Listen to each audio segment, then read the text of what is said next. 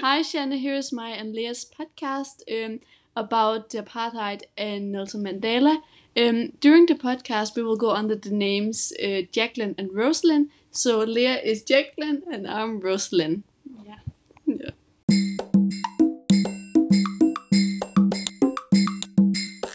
Okay. Hi, everybody, and welcome back. In today's podcast, we will be talking about uh, apartheid and Nelson Mandela. Exactly. It's a topic that we've been looking forward to be speaking about. Yeah, it's a very interesting topic. Yeah. But before we get started, we will start by telling you a little about what apartheid was, because some of our young listeners may not be aware of what it consisted and meant for the people in South Africa, where the expedition originates from. So, Jacqueline, what does it mean? Apartheid means apartness and was a separation of the different races in South Africa from 1948 to 1994, but, but where the whites were mainly in control and superior to the other races. Nelson Mandela, who we also will be talking about today, was the leader of an organization by the name of ANC, African National Congress. He believed in equality for his people and fought a brave battle to make this a reality. In 1964, he was imprisoned and stayed there for 27 years before being released in 1991. After that, he became the first black president in South Africa. So, Rosen, what do you think about this awful era in South African history? I mean, they treated the people of the different races terribly, especially the blacks, and I can't believe it was so recent. I mean, it wasn't more than 30 years ago. That's so weird to think about.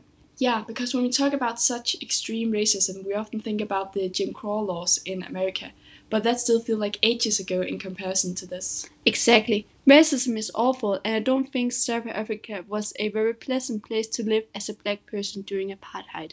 No, because they didn't really have any rights and lived under these terrible circumstances. So I think you feel very frustrated as a black person living in South Africa. I mean, the bright, the whites pretty much took over their land and treated them as garbage. It reminds me a lot of how the white people from Europe took over America 100 years ago.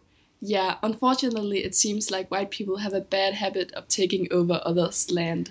Yeah, uh, white people really like to be the superior ones. It reminds me about the childhood bullies who bullied others because they had low self-esteem. um, but to get back on topic, uh, without the ANC and Nelson Mandela, who knows where South Africa would be today? I think we can all agree that Nelson Mandela was an incredible man who did a lot for his country. Yeah, not only was he the first black South African president, but he also managed to get far in life, even though he was black. He got a high education and became a successful lawyer. Not many black people got to do that because at this time not many black people got a good education, not to talk about a higher education. You're totally right, Jacqueline. You can easily say he was one of a kind.